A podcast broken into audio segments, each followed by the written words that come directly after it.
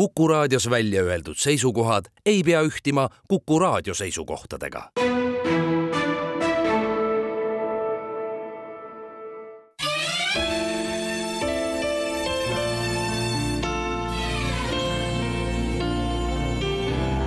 nädala raamat.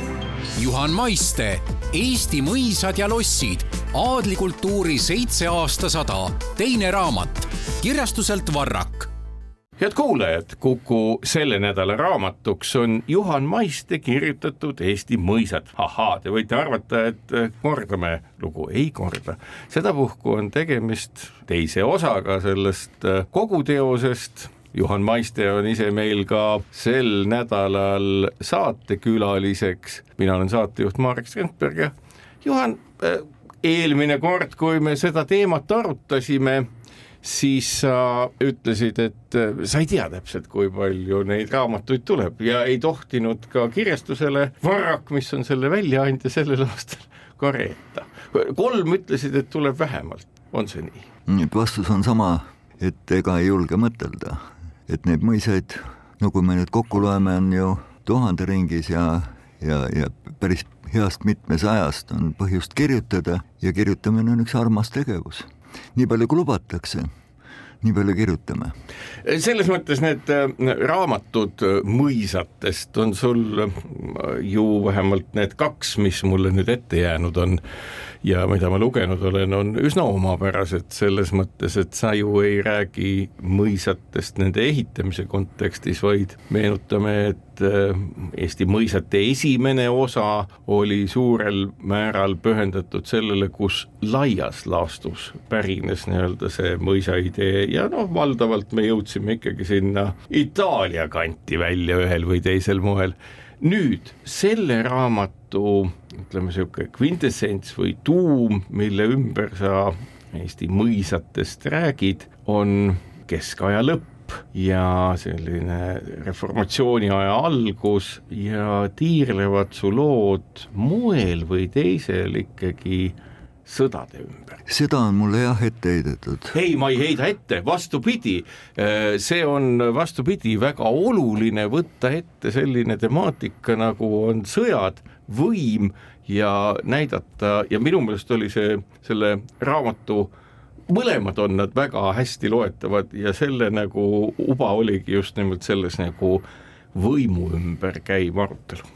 võim ja vaim ja, ja olenemata kõigist vaim võidab. Ja, ja ma arvan, et see on ka üks selle raamatu telgesid, et äh, ikkagi kõigis selles vastuoludes ja, ja, ja musta-valgekirjus maailmas, kus me elame, äh, headus võidab. Ja, ja headuse ekvivalendiks ja siin ei ole mina kaugeltki originaalne, seda on juba muistsed ütelnud ja Platon korranud, et äh, et tõde on ilu ja ilu on headus. ja headus on see, mis meid viib edasi. ja ka kõige mustematel aegadel, kus siis külade viisi, eks ole, jäid ja, ja, ja mõisate kaupa jäid maa, jäi maa tühjaks, et ka sellest leiti jõudu et uuesti alustada, see paneb mõtlema. just sellepärast, et see alguse motiivi osa, mis kannab ka nii-öelda alapealkirja linnustest lossiks või linnusest lossiks, noh linnus meie arusaama mööda on ikkagi selline kaitserajatis. no loss võib-olla mitte enam nii väga, aga natukene küll et kogu see nii-öelda keskaja järgne ajastu, kui siis, mis on valdavalt ka Eesti aladel, eks ole, sõdade ajastu, Liivi sõda, mis me teame ja nii edasi, et äh, need hooned ikkagi olid ka lossidena sellised kaitserajatised ja kuidas siis on, et ikkagi kaitsesid siis seal sees olijaid? igal ajal on omad kindlused ja igal ajal omad strateegiad ja ma ikkagi toon selle jutu inimese loomuse juurde. et ühelt poolt ta, ta ehitab ja teiselt poolt ta hävitab ja linnus loss ja see üleminek ühest paradigmast teise on peaaegu et märkamatu, sest et ka hiliskeskaeg on ju väga värviline ja valguseküllane ja, ja, ja, ja renessanss millele see raamat siis on sihitud ja barokk toob sinna juurde pisut edevust ja, ja, ja, ja muudab ka elukultuuri inimese naudingute ja hedonismi kesksemaks. Ja, ja see karm strateegiline kindlustunne asendub üha rohkem ikkagi mõttega, et, et anname nüüd ka inimesele võimaluse, et see on suur humanismi tulek. Ja humanism on üks neid ähm, jõujooni ja inimeses elavaid igatsusi, mille poole me pürgime. Ja humanismi kood kõlab läbi siis uue ajastu paleest või lossist või mille me võime tagasi viia, ütleme ka jälle ütleme muistsetesse aegadesse Rooma ja, ja keiser Hadrianuse paleeni, kust õpiti, kust võeti eeskuju ja, ja kuhu ka üha rohkem jõuti. ma mõtlen siin Rooma ja, ja jõuti nende juurte juurde ja jõuti selle villakultuuri juurde, mis siis ühel või teisel moel ka meie kultuuri, meie maailmas, nii kaugel, kui me ka sellest epitsentrist ei ole, reflekteerub. ehk et seesama asi, et äh, Roomas elati nii linnas kui väljaspool linna, see nii-öelda linnaelu ja suvila mis on halb märk, eks ole, seesama mm -hmm. villaelu, et see on kandunud, äh, mida on siit ka selgelt näha ja mida sa kogu aeg rõhutad, ehk et need juured on kandnud vilju ja kannavad ju tegelikult tänase päevani. no terve Euroopa on ehitatud Rooma tuhale, ühel või teisel moel me järgime neid eeskujusid, mentaalseid ja, ja ka füüsilisi jõujooni. et see on maailm, mille serva peal me oleme liikunud kaasa ja, ja kõik see, mida nüüd keisripalee pakkus, ehk siis palass etümoloogiliselt tagasi minnes ja, ja mis, eks ole, kõlab kaasa nüüd läbi Francois esimese Prantsuse renessansi kuninga Fontainebleau või, või ka tema eh, Loari olulosside on ühel või teisel moel ka kohal. Ja, ja ehkki võib-olla see äh, filtrid ja see liikumisteed ja kui seda kaardistama hakata, kogu seda lõuna-põhja telge kaardistama hakata, siis see võtab aega sada, kakssada aastat, aga, aga me oleme ühe pere sugulased, ühest tüvest välja kasvanud oksad ja, ja ka villast, kui kõneleda, ja sa just mainisid, et, et patriitsidel ühel hetkel oli vaja mitte enam selles miljonilinnas kus kanalisatsioon ei töötanud ja kus veevärk ei jõudnud. kus oli tervis Te..., läks kehvaks. no ütleme mürgine, mürgine keskkond, toksiline linn. Ja, ja sedasama oleme me ju täna tajunud sama lõppkokkuvõttes kogu oma valglinnastumise nii-öelda eufoorias. ja, ja, ja see sama eufooria haaras ju Rooma patriitse, Tiberius oli esimene, kes läks Kapri saarele ja ehitas sinna oma villa ja nii me neid kutsumegi villadeks ja nii me võime ka Eesti mõisaid villadeks kutsuda. ja tema järgi siis kogu see pere, kogu see Rooma aadelkond, et, et, et ühel hetkel saab inimene aru, et et linn ei ole mitte ainus võimalus elamiseks ja võib-olla nendesse diskussioonidesse, mis täna meil äh, kõlavad, eks ole, kas me peaksime tihedalt koos elama või peaksime ikkagi laiali ja hajali ennast paigutama. et ma arvan, et mõisakultuur ja kui ma sellest kirjutan, siis ilmselt ka mina mingis, mingis olekus toetan seda ideed, et inimene peab saama ikkagi hingerahu, hingerahu, kus ta võib võtta seljast tooga, kus ta võib olla tema ise. Ja mõis isegi isegi nendel Rootsi aja mõisa ja mõisakultuuris ikkagi oskab nautida, oskab nautida loodust, oskab nautida jõe, kääru või, või järve kallast ja, ja, ja oskab nautida seda keskkonda, mis on talle võimaldatud ja, või Jumala poolt antud. edasi aga räägime saate järgmises osas head kuulajad, äh, Kuku selle nädala raamatuks on Juhan Maiste kirjutatud Eesti mõisad, sedapuhku juba teine osa sellest raamatust enam-vähem aasta tagasi, detsembris kaks tuhat kakskümmend kaks.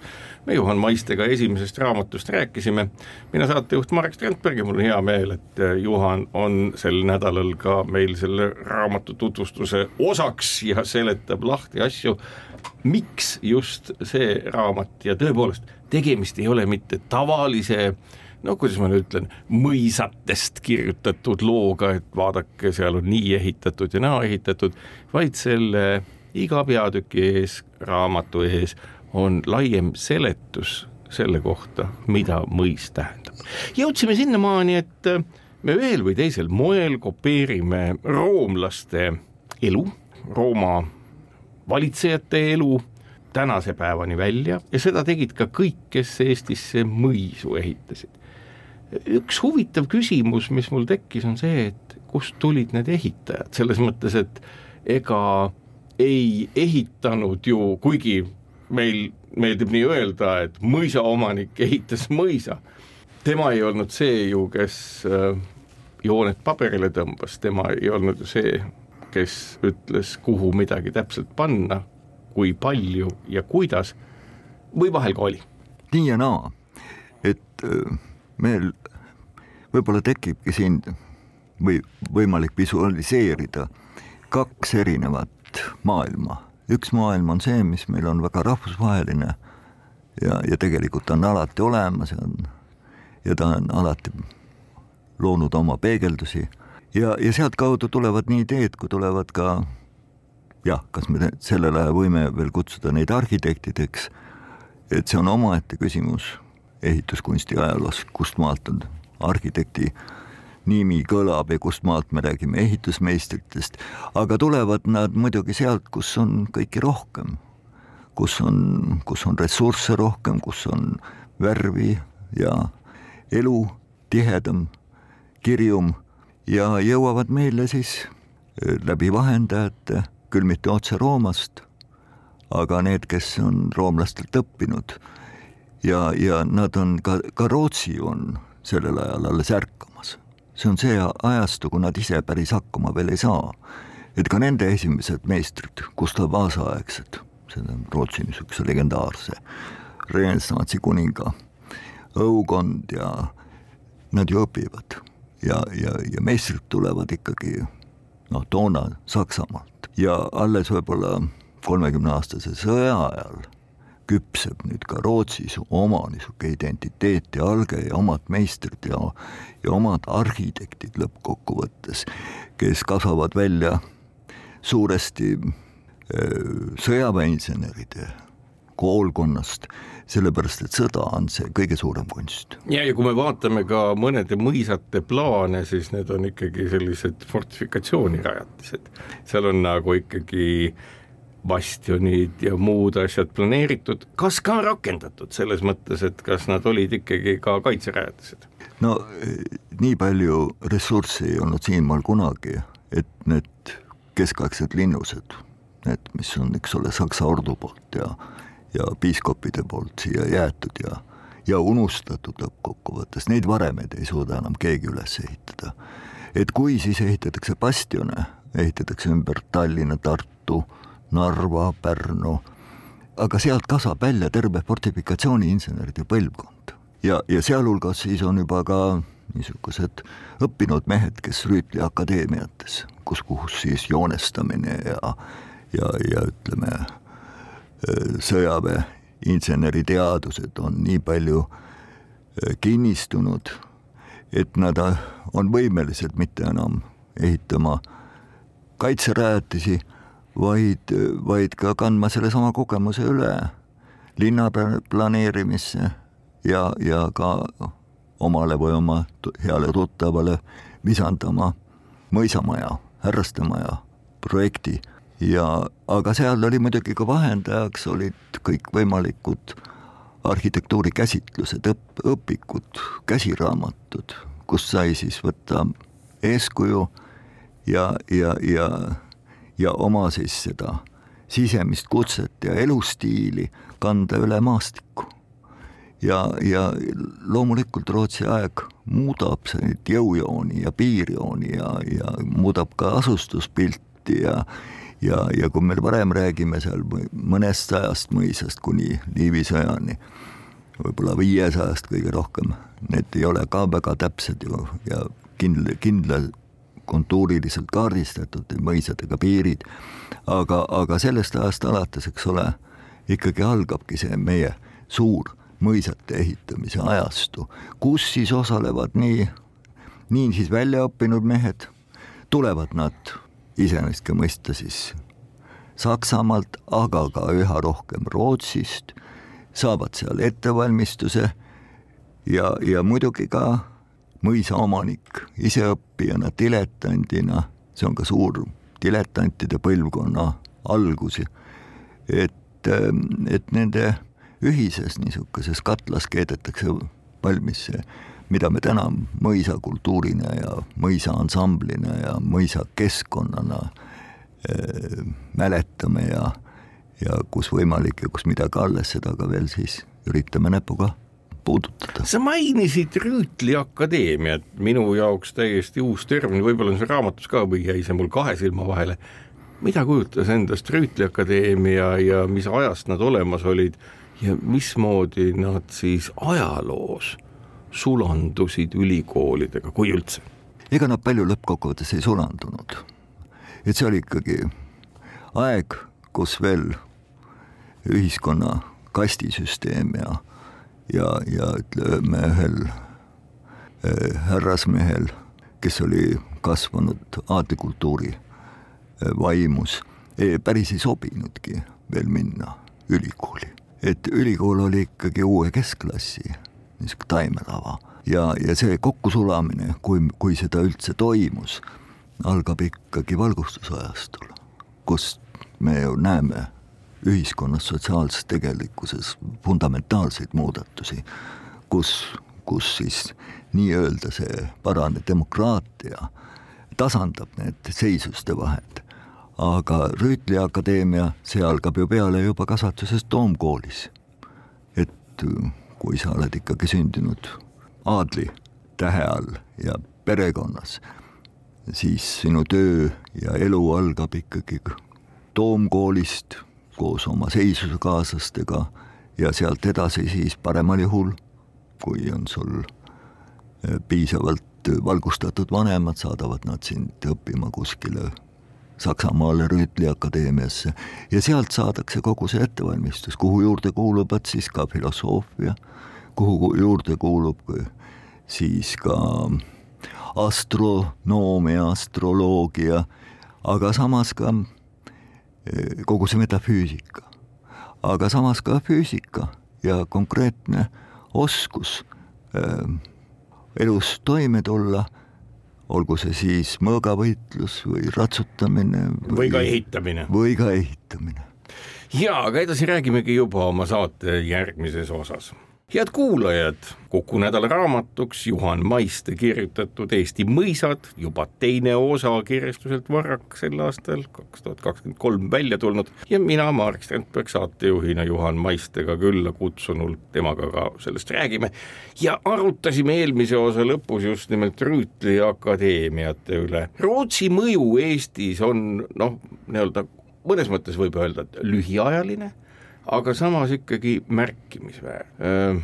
Nende kuningas asutas nii Tallinnasse kooli kui Tartusse ülikooli, tahtis seda teha ilmselt ka Tallinnas, aga mingi asi tuli ette ja siis läks otsustas seda teha Tartusse ja mõne aja pärast ta ka langes lahingus. nüüd ma mõtlengi sellesama Rüütli akadeemia peale ja kas võib öelda, et selline Rootsi võimuvalgustus jõudis nagu nendeni kohale veel ennem, kui valgustusajastu sellise jõulise impulsi sai Euroopas, noh, ülikooli asutama, ta ei asutanud ju siia Rüütli akadeemiat, et tal oli vaja ikkagi ametnikke ja ka oskajaid inimesi, kas see nii-öelda ülikoolide teke moel, nagu nad siin ümbruskonnas on tekkinud, tuleneski sellest, et et sellist seisusepõhist haridust mõisteti, et enam nii palju vaja ei ole ja on ka muud tarkust vaja, et arst ei saa ju olla ometi aadliseisuses, kujutan ma ette,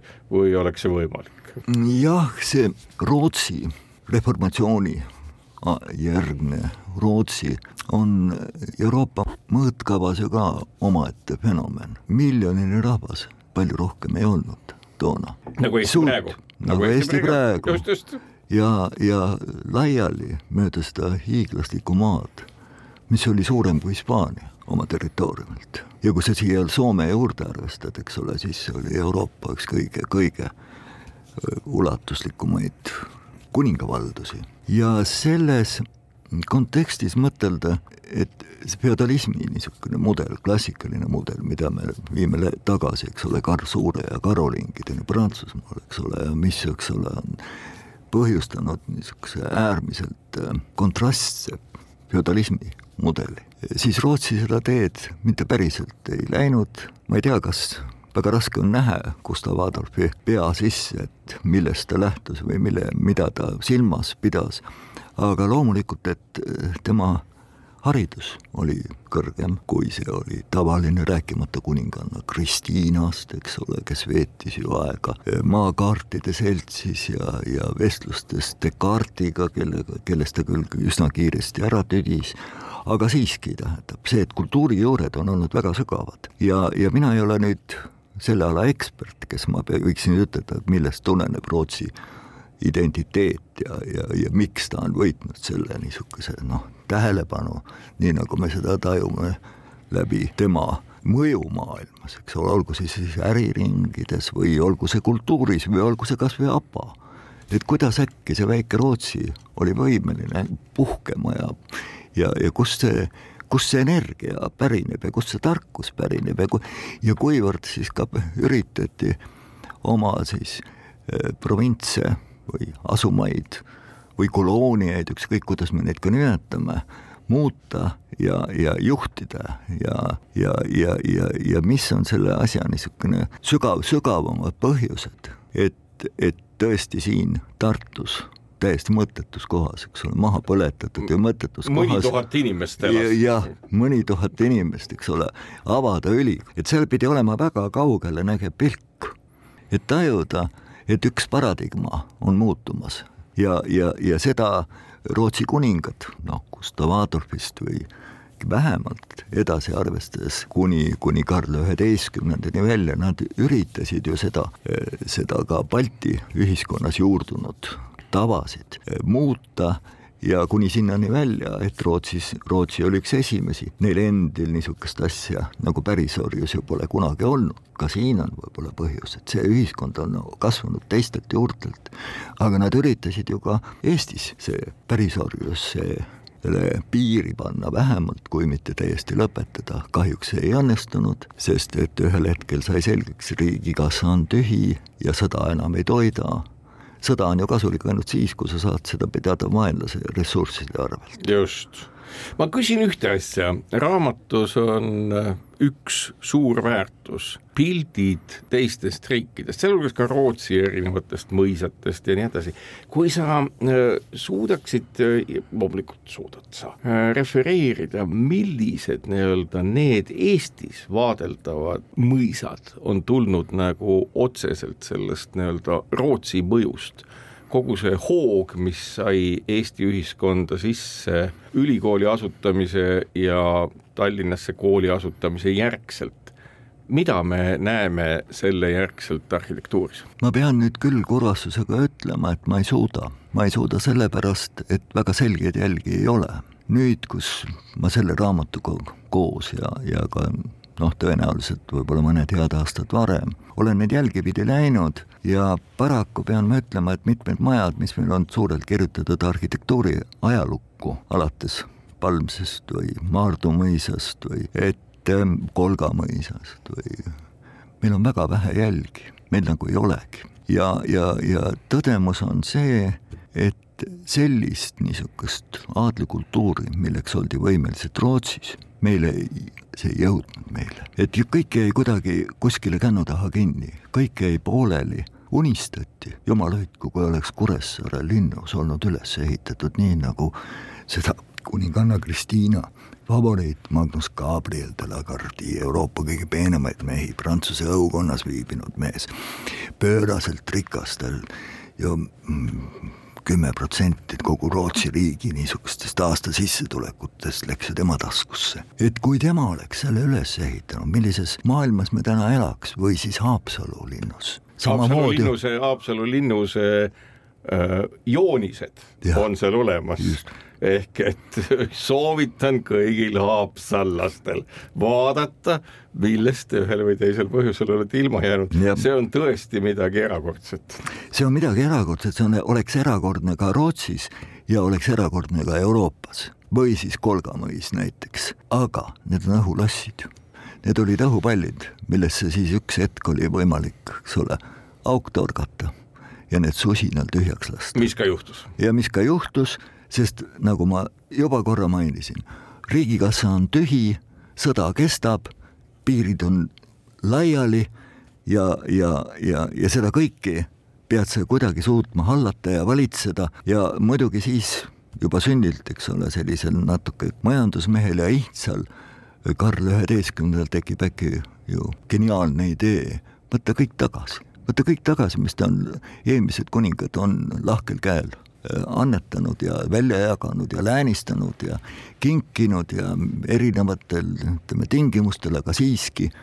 ja siis algab see reduktsioon, aadel jääb kõigist ilma, mitte ainult siin, mitte ainult Eestis, kõikjal, Rootsis, Saksamaal, kus iganes ka, ka olid, oli need suurte sõdade ja selle, selle mulli edu tingimustes oli, oli alustatud, eks ole noh, suurejoonelise, võib-olla liiga suurejoonelise, kaelamurdvalt, eks ole, kõrge tasa, tasemega, e, kõik, kõik ju kaob, kõik häbi, hävib ja, ja siis ei kulu enam kuigi kaua, kui kõrvalnaaber tajub seda olukorda, kui Peeter Esimene tuleb tuhande seitsmesajandal aastal üle piiri, tähendab, et e, uhkus ajab upakile. Ja tõenäoliselt on see üks põhjuseid, miks me täna ei ela Rootsi riigi piirides. aga edasi räägime juba oma saate järgmises osas. head kuulajad, Kuku selle nädala raamatuks Juhan Maiste kirjutatud Eesti mõisad sedapuhku juba raamatu või kogu teose teine osa kui palju neid kokku olema saab, ei tea keegi. Juhan teab, aga ta ei ütle. Juhan on ka meil sel nädalal saates külas, mina saatejuht Marek Strandberg ja jõudsimegi nii-öelda pisitasa sinna, mis väga palju probleeme tekitanud on, ehk Põhjasõjani. kuigi venelased olid ju siin ka varem käinud, Liivi sõja aegu oli meil ju sama seltskonnaga nii-öelda, noh, ma ei oska, kas nüüd meil, minul mingit nii-öelda niisugust ilmselt äh, väga aadellikku esivanemat ei ole, aga äh, ikkagi territooriumi mõttes ju nääklemist olnud. kas Põhjasõda ja üldse, et huvitav on vaadata ju isegi mitte huvitav, vaid pigem kurb, et noh, Vene valitsejatest on jäänud ju siia mõned nii-öelda ka villad, nagu näiteks Kadrioru loss. kas on veel mingeid nii-öelda mõisu, mis pärinevad sellisest nii-öelda Vene mõja, mõjujärgsest ajast? see on terve peatükk ja võib-olla koguni terve raamat, aga see on veel kirjutamata, et ma olen hämmastunud olnud nüüd, kus ma tegelen Põhjasõja ja Põhjasõja järgse ajaga kus ma ka täna juba olen nii-öelda selles, selles teemas.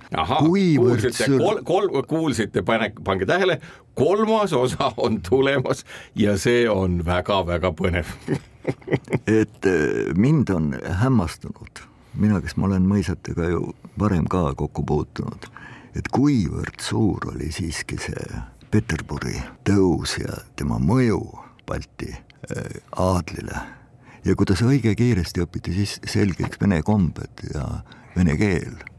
Ja, ja kuidas siis see üle piiri või ju piiri enam ei olnud, vene klassitsismi mõjud jõuavad Eesti mõisateni. Ja, ja muidugi kuni lõpuks välja ikka Koru lossini, see on siis Baranovski äh, arhitektuur ja Jelissejev, eks ole, Venemaal rikkuselt teine mees, ehitab siia omale villa, eks ole maailma ühte, ühesse kõige kaunimasse paika, mis on omaette Krimm, nüüd ütleme Vene eliidile, kes üha rohkem ja rohkem valgub ka Baltimaade poole.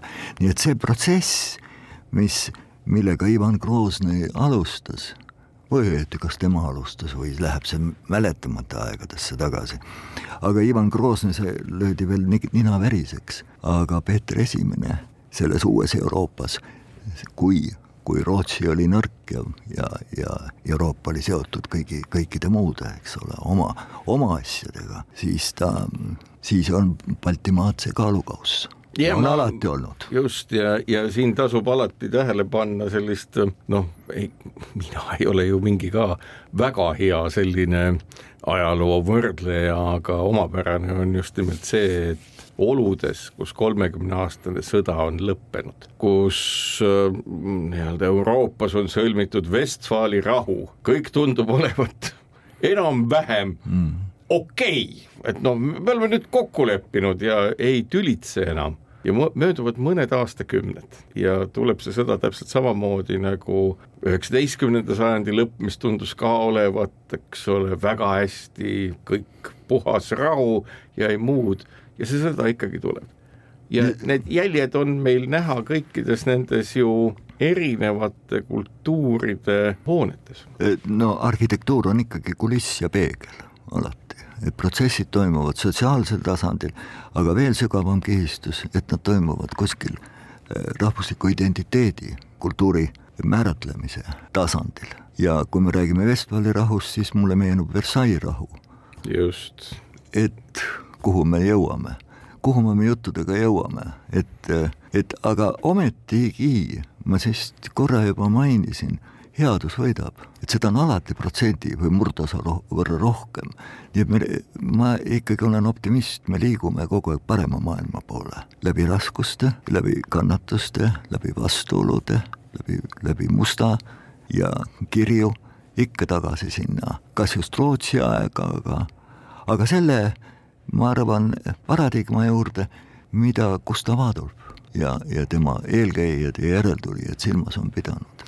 Küsin... me liigume sellise Põhjala enesemääramise juurde. ma küsin, mis mulle seda raamatut lugedes, noh jälle mõisate raamat, nagu te kuulete, mõisate raamat ja me ei räägi üldse mõisatest, me ei räägi äh, mingisugustest arhitektuursetest elementidest, me, me räägimegi inimestest. selles mõttes nagu raamatu Mõisad, mille Juhan on kirjutanud, on tõepoolest vapust. ma küsin nagu ühte asja, et hiilivalt või teadlikult, ma ei oska öelda, kuidas, aga seal nendes tekstides on sees nagu see asi, et seesama asi, hea ja kurja võitlus, mida sa räägid, ja, ja liikumine selle poole, et äh, nii-öelda kuri, tumedad jõud kunagi valdavaks ei muutuks, aga nad on alati olemas. selles mõttes, et vist ei õnnestugi inimloomuses saavutada seda, et kõik oleks ilus ja tore, aga mida me näeme, on see, et ka arhitektuur, ka seesama mõisakultuur ja kogu see asi on lihtsalt üks kild, mis headust natukenegi kurjusest ülespoole tõstab. kas ma sain sellest raamatu kvintessentsist õigesti aru? sada protsenti ja mina kes ma olen nüüd kasvanud sellises visuaalmaailmas ja, ja võib-olla need esteetilised märgid on mulle läbi ajast, aegade olnud ka olulised ja mida ma olen õppinud lugema, siis üha rohkem on maailm enda ümber veennud, et maa neelab ära kõik, mis ei kuulu tema nii-öelda loogikasse, tema kasvuloogikasse, tulles siit nii-öelda niisuguse hegel, hegeliaanliku mõtte juurde, et et, et me liigume absoluudi suunas. et aga alles jääb kõik see, millel on tähendus. ja nende tähenduste lugemine ja kokkuarvutamine ongi üks kunstiajaloolase kõige põnevamaid ettevõtmisi. et me ei loe mitte neid müüre, karniise või stukkdekoore, vaid me näeme ja tajume neid märgilisena, me tajume seda kui noodikirja, mis meid juhatab sümfoonia juurde.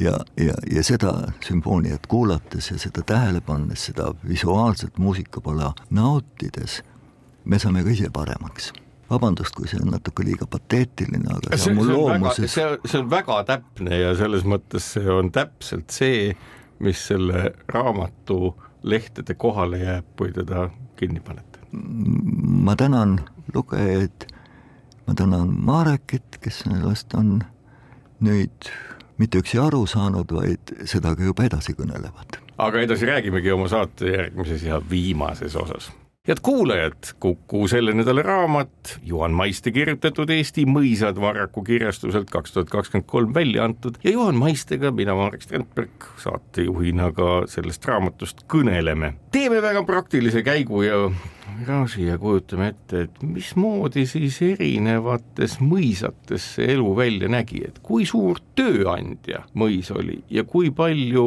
ta pidi noh, üleval hoidma erinevatel ajastutel siis ka nii-öelda päris orje meie kontekstis ja muul moel ennast majandama, noh, me teame, et kaheksateistkümnes, üheksateistkümnes sajand oli juba see, kui mõisad muutusid noh, nii-öelda teedesüsteemi osaks ja pidid midagi nagu tegema siin, et teed oleks korras ja hobuseid oleks ja mis kõik muu, millest on oma teoses kirjutanud Seppo Zetterberg päris põnevalt. aga selle raamatu puhul, et kui me kujutame ette, et tekkis selline nii-öelda keskaja järgne suvila kuhugi mm. linna külje alla, mis seal siis tegelikult toimus, palju seal inimesi oli, mida nad tegema pidid? no ma võin ehk oletada, kui mitu teenijat liikus mõisal õuel neid oli kindlasti kümnest kolmekümneni, kes kõik seda majandasid ja kõik seda hoidsid, sedasamast kultuuritemplit üleval. aga kui palju siis on pärisorje ja kui palju on neid, kes vihmavad põllul, see sõltus ikka mõisa suurusest, et neid võis olla sada, kakssada, aga mitte nii.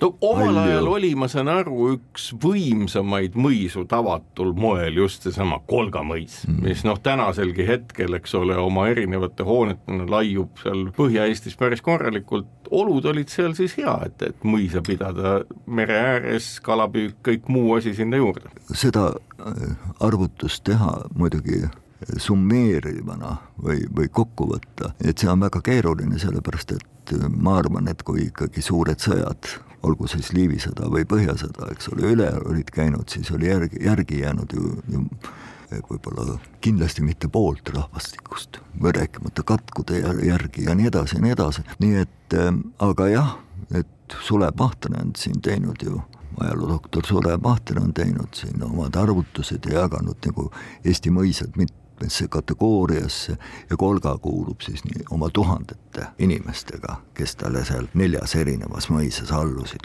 Stenbockide, krahv Stenbockide valdus.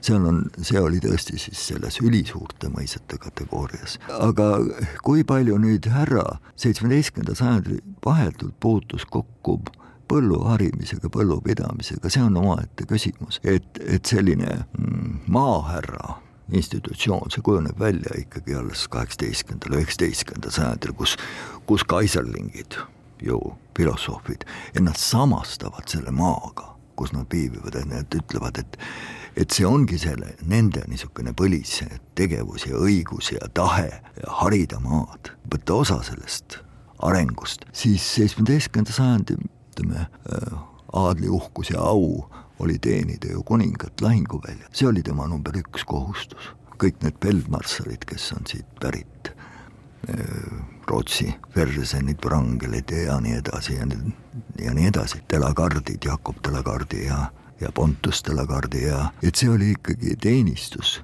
kusagil Euroopas, Euroopa rinnetel ja siia kuni, kuhu ta jõudis ja kunas ta jõudis ja kunas ta oma lapsi ja abikaasat nägi, see oli suurte jõulude ajal aga ülejäänud aeg kulus ikka mehel meeste maailmas. koju jõuti lapsi tegema ja, ja ütleme siis abikaasa pead silitama. küsin ühte asja juurde puht nii-öelda huvi pärast, mis mulje sul on? no vot Charles Darwin, suur evolutsiooni uurija, temal oli äh, probleeme, mõistmaks näiteks sellist elukat nagu paabulindu hmm., ta on isegi välja öelnud, et tal läheb süda pahaks, ta ei tunne ennast hästi, kui ta vaatab paabulindu, milline raiskamine hmm., milleks sellised suled, millel ei ole mitte mingit mõtet tema meelest. väidetakse, et elu lõpupoole hakkas ta aimama juba, et selline äh, oma vägevuse demonstreerimine sellise võimuna äh, on oluline sinu mainitud laste tegemise ja seksuaalse läbikäimise kontekstis. Ja hiljem nüüd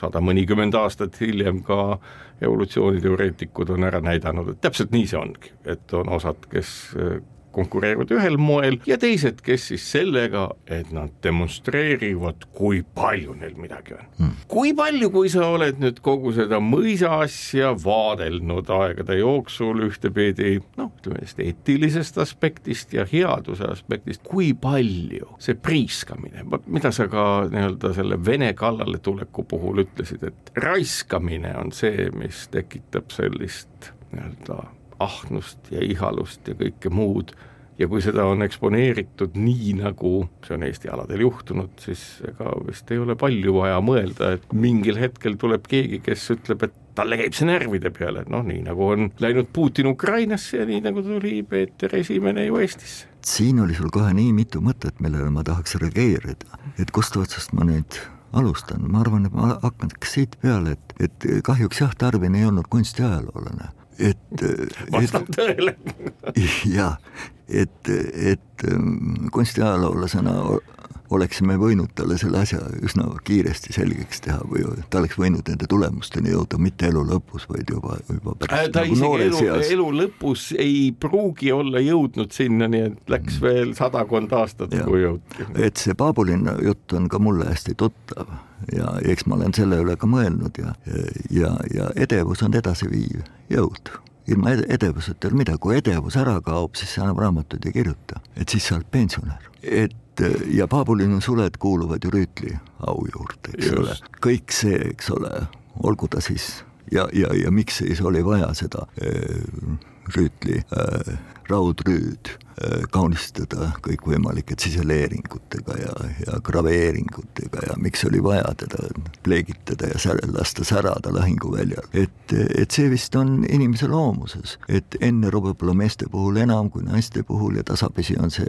noh, nii nagu soorollid tuleb ja aegadega muutuvad, aga me ei saa seda välistada, tähendab, et, et ja kunstis on ju ka kaks poolust, üks on see ideeline poolus, millega me teenime, ma ei tea, keda või mida, aga midagi kõrgemat, nähtamatut. Ja teine, teine pool on see nähtav pool, eks ole, see on see kõik, mis meil väljendub läbi nende äh, lossisaalide äh, ja, ja baldahiinide ja, ja, ja, ja äh, hõbeserviiside ja, ja kullast portside karide ja nuustupakadooside ja kõike seda maise kulla ja karra, mida me ju ka hindame ja mida me hartalt säilitame ja hoiame. Ja vot seda niisugust äh, maist pudi-padi äh, ikkagi toonases aadlielus oli küllaga ja, ja seda ka, kui nüüd tõesti jõudsid mõisasse revi, revisjoni läbiviijad siin, olgu siis näiteks ka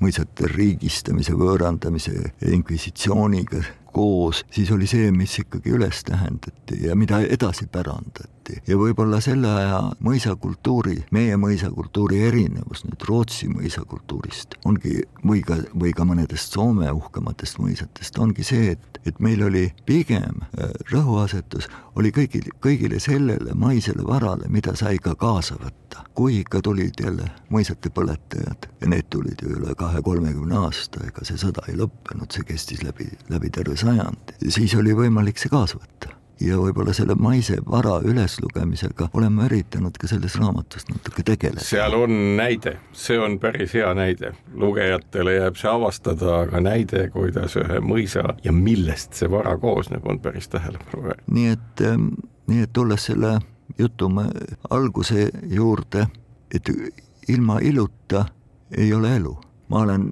päris sageli mõtelnud ja ka kirjutanud, et tegelikult ilu ongi see esmane tasand, mis meil võimaldab oma maisest elust tõusta kõrgemale ja, ja tõusta sinna, kus kirikus lendavad ja kantslitele on kinnitatud putoinglid, et tõusta üks aste kõrgemale, tõusta sinna, eks ole, tasandile, kus me oleme surematud et see on teatav pürgimus hüpostaaside kaudu jõuda lõppeesmärgini, aga no me oleme ikkagi, ühelt poolt me oleme ju oma mõtetes, oleme me ei tea kus, kõrgetes sfäärides ja taevas ja teisega me oleme ikkagi maa küljes kinni. see on meie traagika, meie inimeseks olemise traagika, et meile peale selle vaimu on olemas ka maine keha ja see nõuab ka oma ja seal on kõikvõimalikud sublimatsioonid. aitäh, Juhan Maiste, et said tulla kõnelema omaenda kirjutatud raamatust Eesti mõisatest, sedapuhku juba teisest osast. raamat, nagu te aru saite, on päriselt põnev, vaatamata selle suurele mahule on see ikkagi teejuht sellesama juurde, mida Juhan just ütles, maise ja veidi kõrgema iluväärtuse juurde, nii et kui olete selle läbi lugenud, saate Eestimaal ringi rännata, kus sadu ja sadu täiesti kauneid mõisu ja vaadata, kas need teis ka samu tundeid tekitavad. head päeva!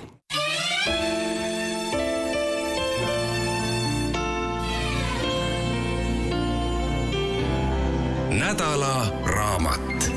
Juhan Maiste Eesti mõisad ja lossid, aadlikultuuri seitse aastasada, teine raamat. Kirjastuselt Varrak